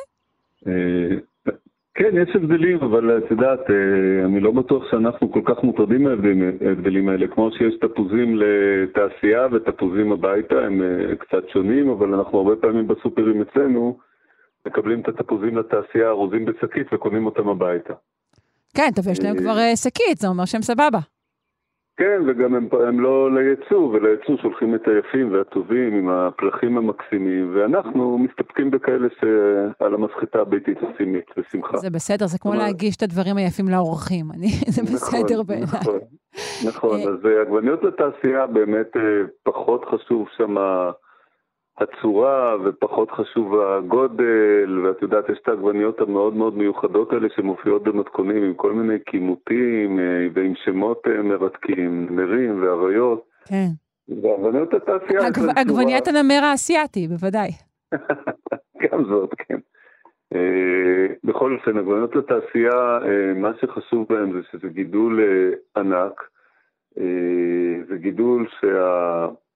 מה שחשוב שם זה שתאריכי הקציר או, או הקטיף יאפשרו לוגיסטיקות שמפעלי המיצוי או הרקז או הסחיטה של העגבניות האלה כדי שהם יהפכו לקטשופ, כמו שאת אמרת, הם צריכים כל יום לקבל את המסה הנכונה, ויש פה לוגיסטיקה אדירה שמשתרעת על אלפי דונמים, איפה, איפה יקטפו מתי. אוקיי, אז לפי, לפי המחקר הזה, הוא מחקר חדש שפורסם ב-Nature Food, אנחנו uh-huh. צפויים ל, ל, לירידה של, של תפוקה של אסדות הענק שתיארת. נכון, והמעניין במחקר הזה שהוא באמת התייחס לגידול תעשייתי, כי בדרך כלל המחקרים מתעסקים במה יקרה לקפה שאנחנו רוצים, זה מה שבא עד אלינו הביתה, מה יקרה לצמחים בחממות שיש לנו טיפול.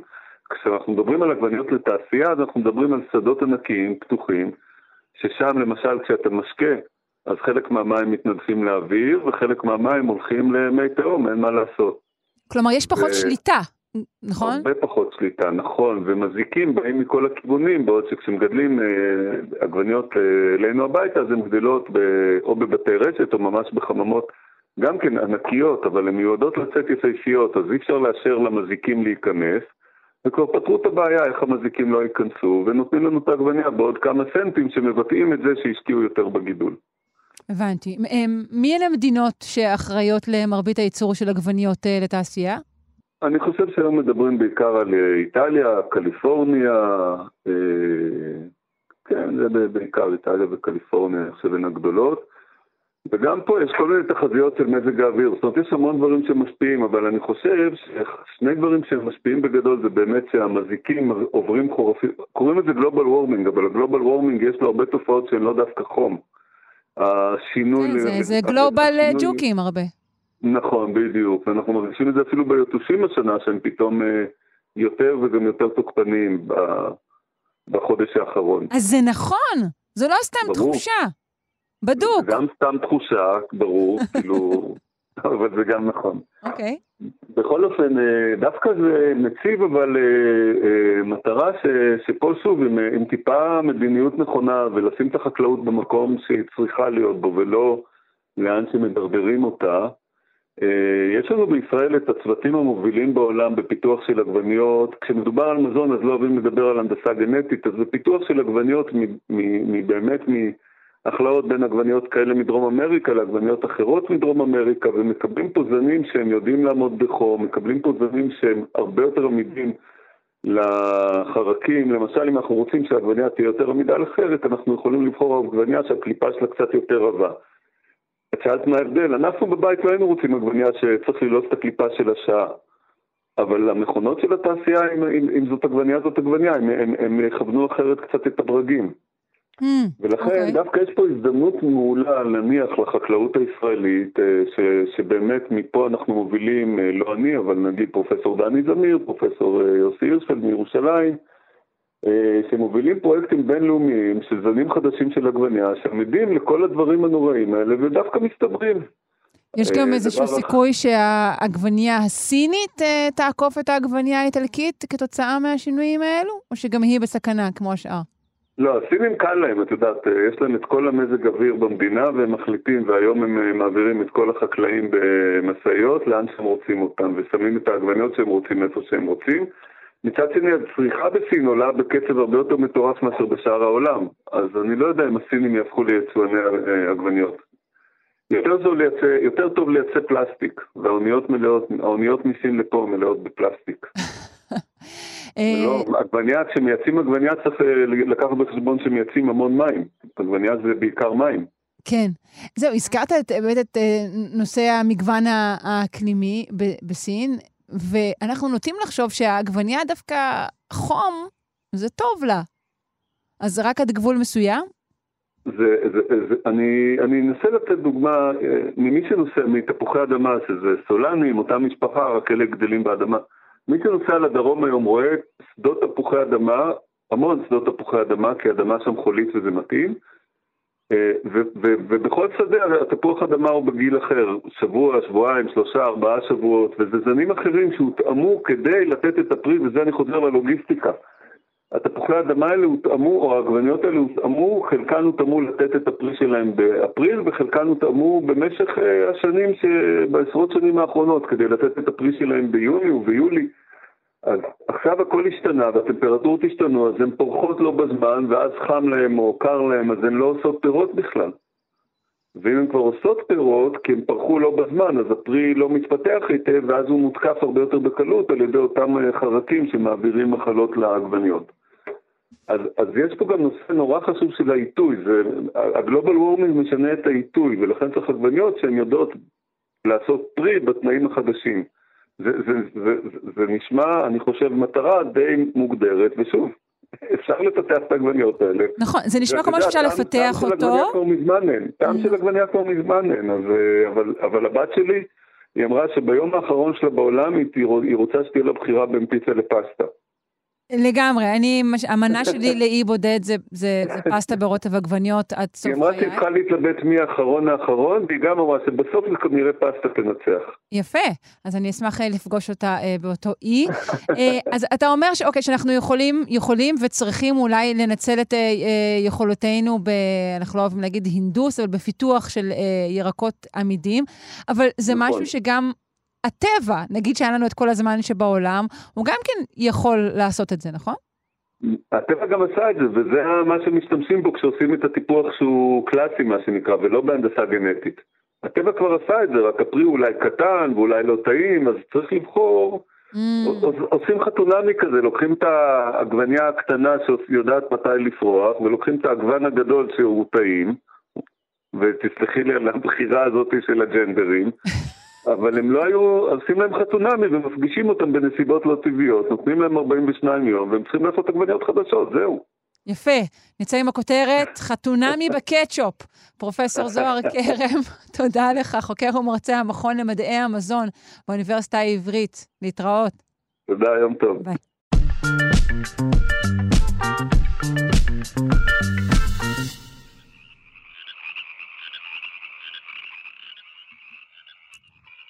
פינת הביולוגיה עם ורד שפירא, ביולוגית במכון דוידסון, הזרוע החינוכית של מכון ויצמן למדע, והיום נכיר את הצפרדע הברזילאית. היי ורד, שלום, שלום. מה שלומך? מצוין. מה גודלה של הצפרדע הברזילאית? ממש קטנה.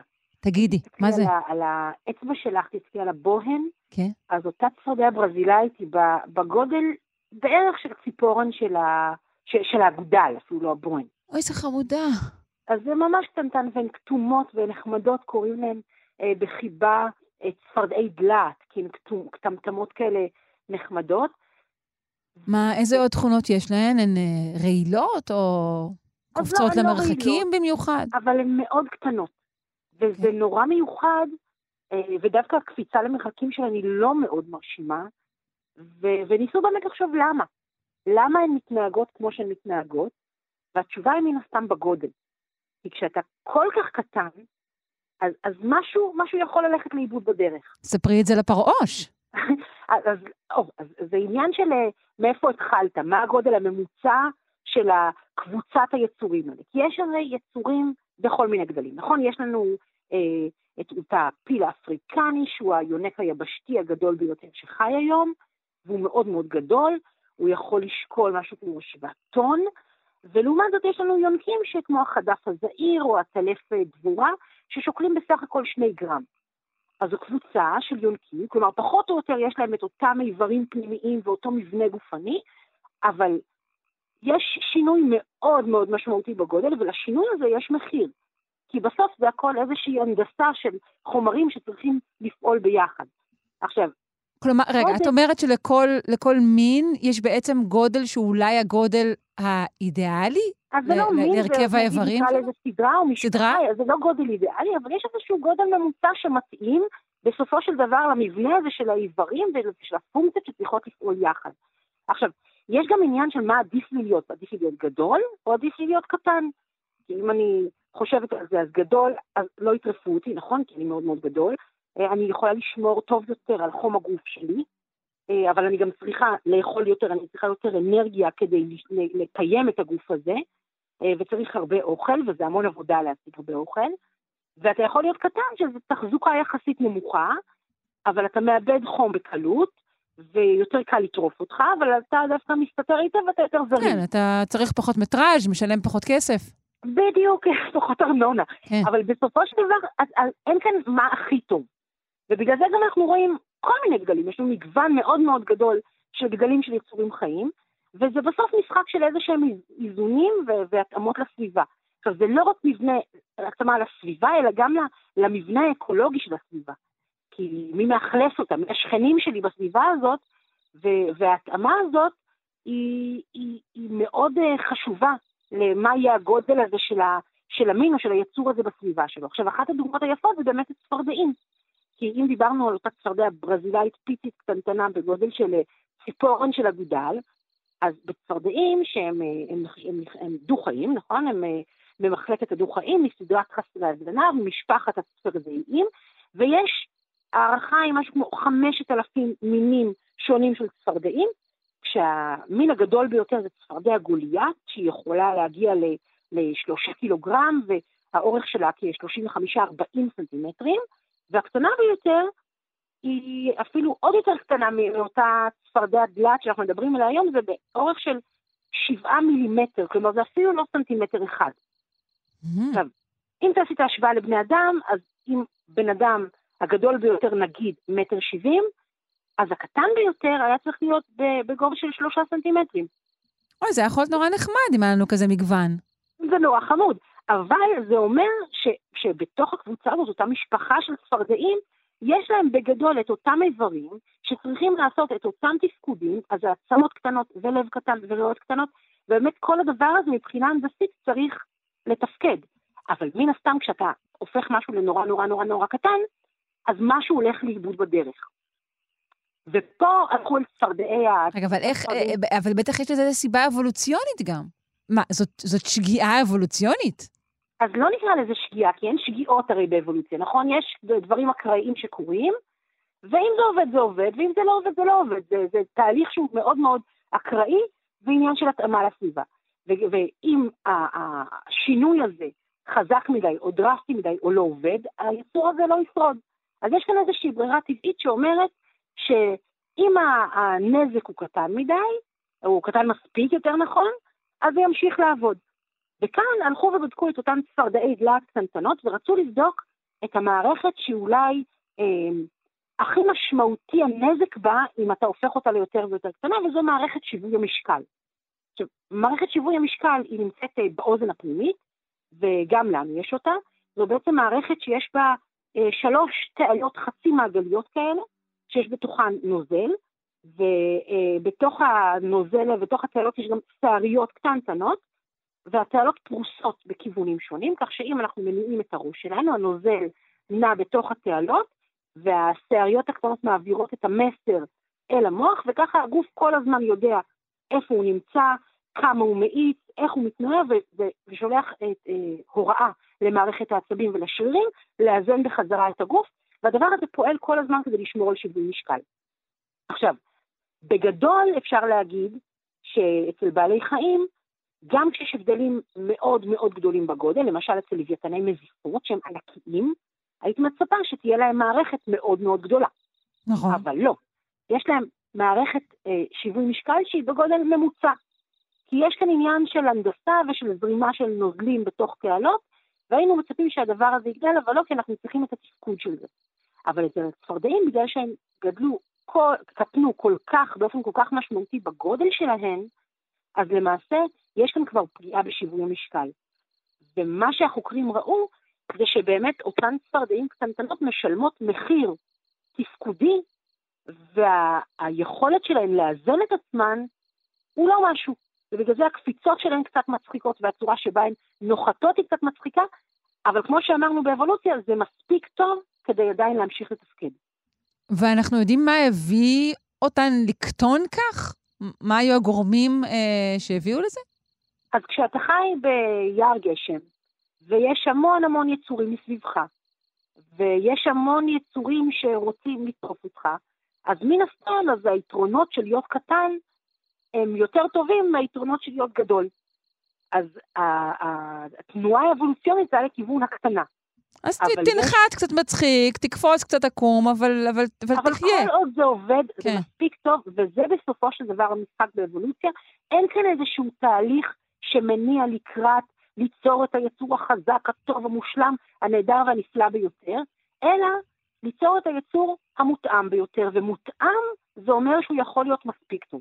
יפה. תודה לצפרדעת הדלת הברזילאית, ותודה לך, ורד שפירא, ביולוגית ממכון דוידסון, הזרוע החינוכית של מכון ויצמן למדע. תודה לכם. ביי.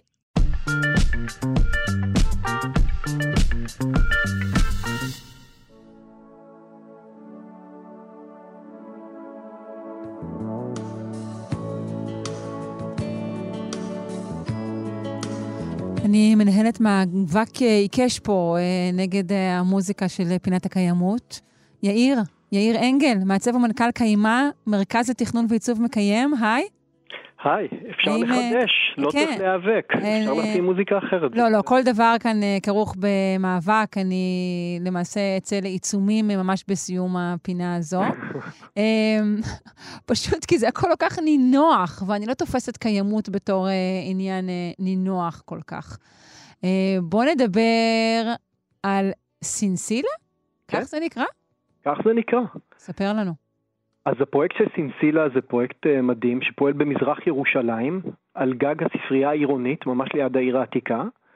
ולא מזמן הם פתחו עוד מרכז, כי זה כבר מרכז ותיק מ-2019, הם פתחו עוד מרכז על גג בניין בשכונת אבו תור. רגע, רגע, רגע, אנחנו כבר דיברנו פה על גגות. מה זה, נהיית טיפוס של פנטהאוזים? מה, מה, מה קורה? בדיוק, אני אפילו הבטחתי לדבר על סינסילה לפני שבועיים, שדיברנו על פסטיבל הגגות. והזכרנו את הדבר הזה, ומה שקורה זה שבדיוק עכשיו יצאו בפרויקט גיוס המונים כדי לגייס כספים לפרויקט חדש שהם מתחילים, ועליו אני רוצה לספר. אז בואו נשמע קודם כל על, על מה זה בכלל סינסילה. מהו הארגון הזה? אז, אז הארגון הזה הוא פועל במזרח ירושלים. רק למי שלא לא מכיר או לא יודע, שמעל 80% מתושבי מזרח ירושלים חיים בעוני.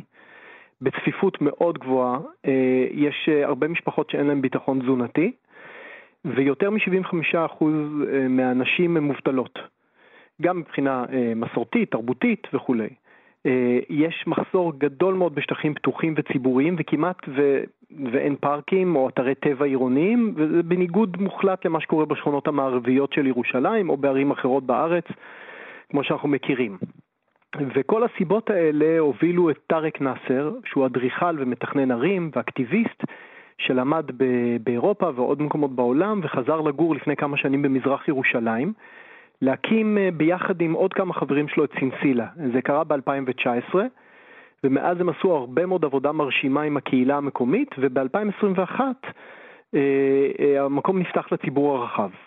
כשהפרויקט הראשון בעצם היה, עסק בדבורים, נכון? בגידול נכון, דבורים. זה, זה גם הפרויקט עכשיו, אבל הרעיון, כל הרעיון המכונן של טארק הוא לרפא את העיר. שזה חתיכת רעיון.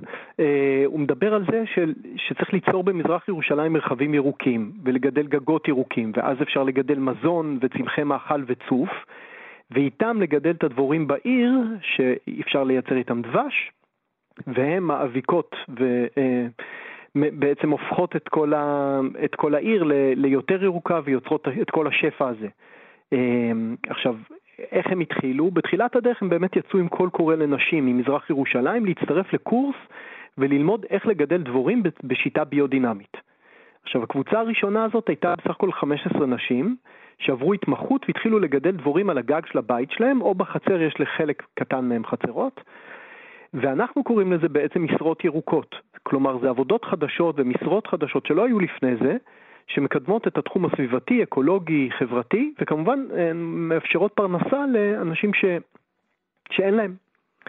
עכשיו, השלב השני של הפרויקט הסתיים לא מזמן, ובו הכשירו 100 נשים נוספות אה, בהכשרה הזאת. זה, זה פרויקט אה, יוצא דופן מבחינה בינלאומית אפילו.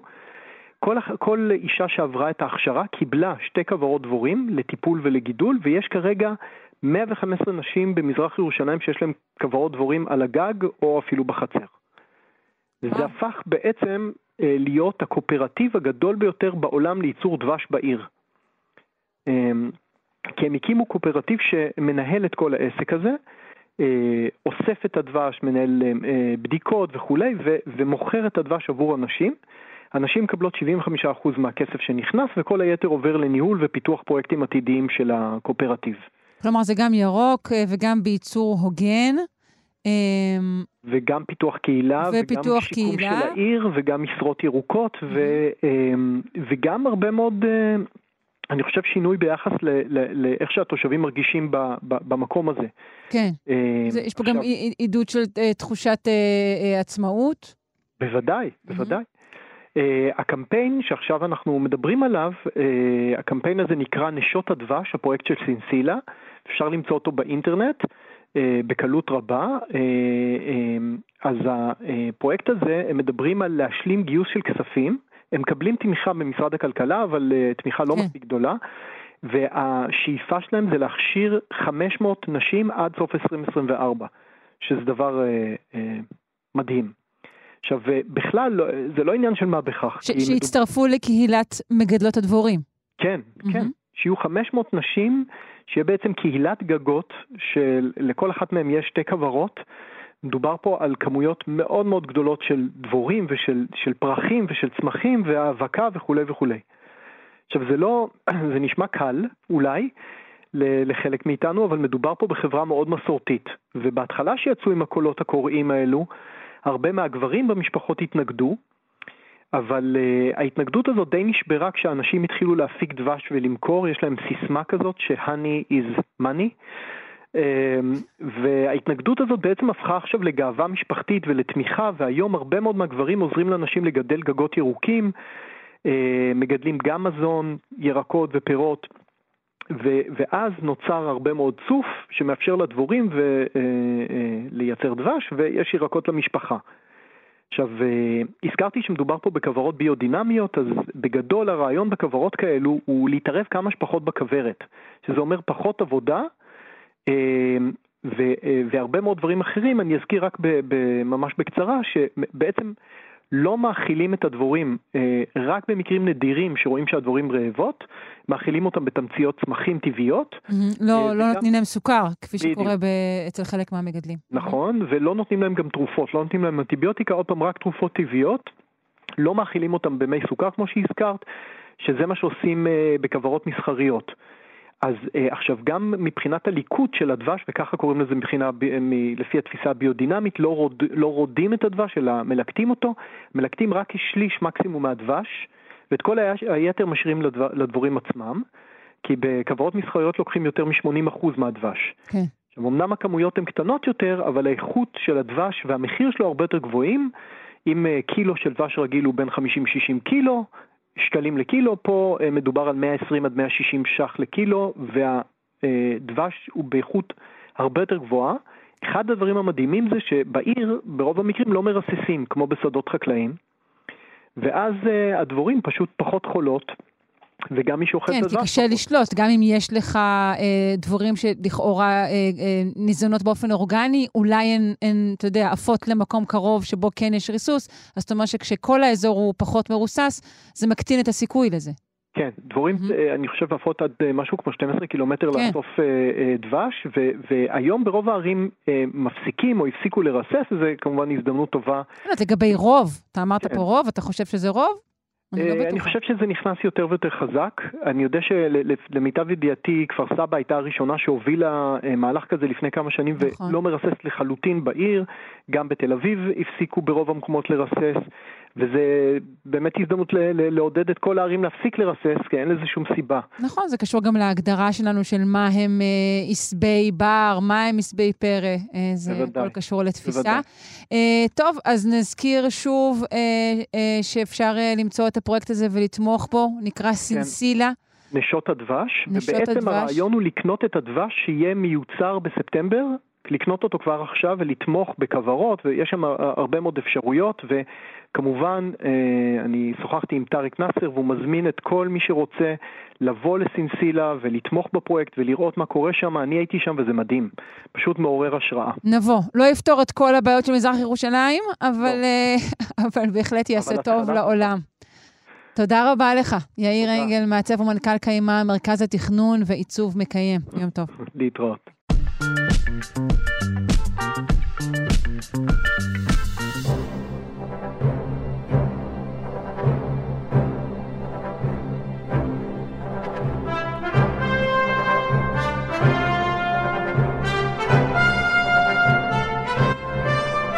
אל תסתכלו בפינת הארכיאולוגיה, אלא במה שיש בה.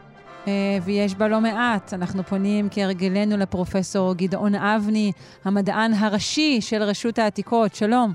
שלום, בוקר טוב. בוקר אור, מה שלומך? בסדר גמור. אז אנחנו, כפי שרמזתי בגמלוניות מה, משוחחים על קנקנים. אה, כן, אנחנו משוחחים אה, על קנקנים. מה זה קנקנים? זה בעצם אותם קדים גדולים שכל מי שהתנסה בחפירה ארכיאולוגית, לא משנה באיזה תקופה, זה הממצא הנפוץ ביותר שמוצאים בחפירות. שברים של חרסים, אה, לפעמים מוצאים את הכלים האלה שלמים, זה, זה מין כלי שהגובה שלו יכול להגיע לחצי מטר. רגע, רגע, דווקא. זהו הקנקן? הקנקן הוא גדול מהכד? Uh, הקנקן זה שם שבפי העם נקרא גם לפעמים uh, כד, והמטרה שלו הייתה להחזיק בדרך כלל אה, נוזלים, אה, סוגים של אוכל ודברים דומים. ובכל השנים כשמצאו דברים כאלה אמרו בסדר, פה אחסנו אה, או יין או שמן או לפעמים דגנים, ובזה נגמר העניין. בשנים האחרונות אנחנו פתאום מגלים יכולת ששוב מגיעה אלינו ממדעי הטבע, מהכיוון של הכימיה, להגדיר בדיוק מה היה לנו באותם קנקנים, כי אותם נוזלים השאירו שאריות מאוד מאוד זהירות על הדופן הפנימית של אותו קנקן, שלאחר מכן נשבר והתגלה אחרי אה, מאות או אלפי שנים על ידי ארכיאולוגים. טוב, מה, מה כבר יכול להיות בקנקנים? או, אז הנה למשל אה, קנקן שהכיל יין. יין זה יין, אנחנו היום אה, יודעים שיש סוגים שונים של יין שמגיעים ממקומות שונים, ופתאום בעולם העתיק אנחנו מגלים שלפעמים יינות כללו מרכיבים שהגיעו ממקומות מאוד מאוד מרוחקים, למשל וניל. כדי לעשות יין עם אה, אה, אה, ארומה מיוחדת, הוסיפו לו כל מיני סוגים של תבלינים. במקרים מסוימים תבלינים שלא נמצאים בארץ ישראל או במזרח התיכון, והגיעו ממרחקים אדירים. אם אנחנו מדברים על אותו וניל, ואנחנו מדברים על ימי בית ראשון, הוא נסע כל הדרך מדרום מזרח אסיה, מאזור תאילנד של היום. איך יכול היה להגיע דבר כזה מרחקים אדירים בעולם שלא היה בו אמצעי תעבורה של אה, ימינו? אה, וזה באמת אחד הנושאים המרתקים שעולים לנו בעקבות היכולת לאבחן, אה, כמו שאמרנו, לא להסתכל על הקנקן, אלא להסתכל במה שהיה בו. Mm-hmm. ופתאום אנחנו מגלים סוגים שונים של יין. אנחנו רואים שגם שמן הזית יכול היה לבוא מכל מיני מקומות. שהוא אינו בהכרח מקומי. לא בהכרח מקומי, וזה לוקח אותנו גם למקומות הרבה יותר מעניינים. פתאום אנחנו רואים שייצרו בירה בתקופות הקדומות. אותה בירה שאנחנו היום שותים. וואו, ב... מדהים שאתה אומר בירה, כי אני בדקתי וגיליתי שמקור המילה קנקן בבבלית הוא חדר לאפסון בירה בכלל. נכון. והטקסטים פה מתחברים אה, לארכיאולוגיה, ויש שם פרויקט מאוד מאוד מעניין שנעשה ברשות העתיקות ובאוניברסיטה העברית, קבוצה של חוקרים שמנסים גם לזהות וגם לשחזר את הבירה ששתו לפני שלושת אלפים שנה. ויכול להיות שבעוד כמה שנים נוכל לייצר את אותה בירה ולהציג אותה לציבור, לאפשר לשתות אותה. שהיא תהיה שונה מן הסתם בהרכב החיטה שיהיה בה, כי זה לא אותם זנים, נכון? היא תהיה שונה אה, גם בחיטה, גם בשמרים כנראה. אני לא יכול להגיד שום דבר על הטעם, זה כבר הקהל ישפוט. האם זה יהיה יותר איכותי וטעים, אבל זה בהחלט אה, ייתן לנו איזשהו מימד נוסף של החיבור עם העבר. אה, וככה אנחנו יכולים ללכת גם למשל לייצור גבינה, כלים שאנחנו יודעים ששימשו כמחבצות, ככלי שבו הכניסו את החלב ייצרו אה, את הגבינה, וגם את השרידים של תהליכי הייצור הללו, יש לנו היום אפשרויות ראשונות לזהות, שוב, דרך אותו שילוב של אה, הארכיאולוגיה והמדע, אה, ובעצם זה מוביל אותנו לעולמות שיאפשרו לנו להגדיר מה אכלו ומה שתו בכל אחת מהתקופות במידה מאוד מאוד גדולה של דיוק. Mm-hmm. וכל זה לפני 20-30 שנה פשוט לא היה קיים. כן, אה, כי התחומים לא שולבו כך ולא היו טכנולוגיות כאלו לניתוח של הממצאים. בהחלט. אה, התחלת בלומר שבעצם הקנקן או הכד או שברים שלו זה הממצא הנפוץ ביותר בכל חפירה ארכיאולוגית. בעצם מדוע? כי אלה היו כלי ההגירה, כלי האחסון, של אה, כל העולם העתיק. אם רצית לשמור משהו מעונת הגידול, מהחורף לקיץ, אם רצית לאגור לטווח של שנים, אנחנו מכירים את הסיפורים המקראיים על אה, תקופות של מחסור ובצורת, ובשבע השנים הרעות צריך לאגור לשבע השנים הטובות. זאת אומרת, הקנקן משמש אה, ככלי אחסון, יש מחסנים ענקיים, שוב, לשמן, לתבואה, ליין, שמושאים אותם בכל מיני תקופות, באחוזות חקלאיות, במרכזים עירוניים, אה, ובסוף, כמו המכלים, מכלי הפלסטיק של היום, זה היה כלי הקיבול הנפוץ ביותר, ולכן ברגע שהוא נשבר, או ברגע שמחליטים להפסיק להשתמש בו, הוא נקבר באדמה, באים ארכיאולוגים אחרי אלפי שנים ומוצאים אה, כמויות ענקיות, אנחנו מדברים על מאות ואלפים של קנקנים באתרים מסוימים, וזהו בדרך כלל גם כלי הזיהוי הטוב והנוח ביותר לתקופות השונות. לאורך אה, רוב ההיסטוריה אה, השתמשו בכלי הזה, וגם השאלה שלי, ממה תמיד הוא היה עשוי? אני מניחה שהחומרים השתנו? החומרים הם תמיד חרס. תמיד אומרת, חרס, זה אוקיי. צין, זה, זה התהליך הכי פשוט והכי קל לייצור כלים שלא אה, מעבירים מים, שניתן לאגור בהם, שהם אטומים, שהם שומרים על התכולה שלהם, ולכן ב-99% מהמקרים אנחנו מדברים על כלים שעשויים מחרס, מטין מקומי, תהליך מאוד מאוד פשוט שמוכר כבר אה, כמעט 8,000 שנה. ושהם פשוט מתייבש בשמש, לא צריך היה טכנולוגיות מיוחדות?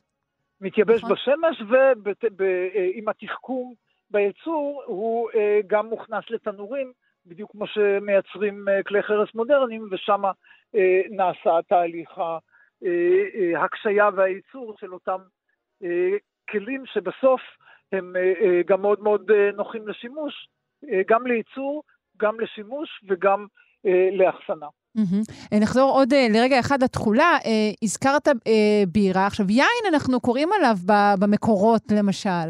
אני לא זוכרת המילה בירה מוזכרת, אבל יכול להיות שאני סתם טועה. לא, לא בשם הזה, כי שוב, אנחנו לפעמים, הקשר בין מונח במקורות לבין ה, מה אנחנו uh, מוצאים בממצא הארכיאולוגי, uh, הוא לא תמיד מאוד מאוד ברור. Uh, זאת אומרת, להבדיל מיין שמופיע לא מעט לא רק במקורותינו, mm-hmm. מופיע במקורות של מסופוטמיה, של מצרים, של העולם היווני והרומי, בתור אחד המוצרים הבולטים ביותר. בירה קצת יותר מורכב, האם זה סוג של שיכר, האם אנחנו מדברים פה על איזשהו אה, מונח אחר, אבל המציאות מראה שבירה קיימת בתהליכי הייצור והשימוש, שוב, כבר מתקופות... כלומר, מי יודע, יכול להיות שאפילו נקראה יין כשם כללי, אנחנו לא יודעים. כן, יכול להיות שהיין שימש כשם להרבה מאוד מוצרים שבסופו של דבר יוצרים את אותה תחושה אה, של אה, שיכרון, אותה תחושה מאוד נעימה שקיימת לאורך אורך ההיסטוריה וגם בימינו. כן, שמשמשת גם לעיתים אה, לפולחן, להתחברות ל... למצבים uh, תודעתיים שונים. Uh, יופי, מרתק, תודה רבה לך, אה, פרופ' גדעון אבני, המדען הראשי של רשות העתיקות. יום טוב. תודה ונתראה.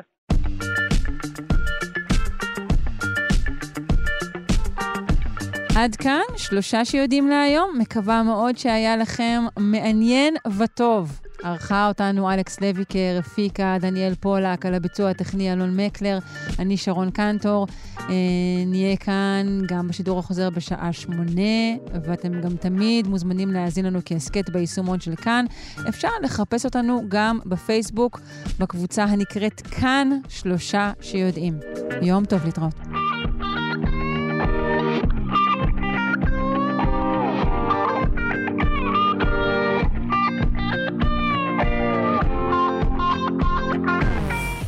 אתם מאזינים לכאן הסכתים, הפודקאסטים של תאגיד השידור הישראלי.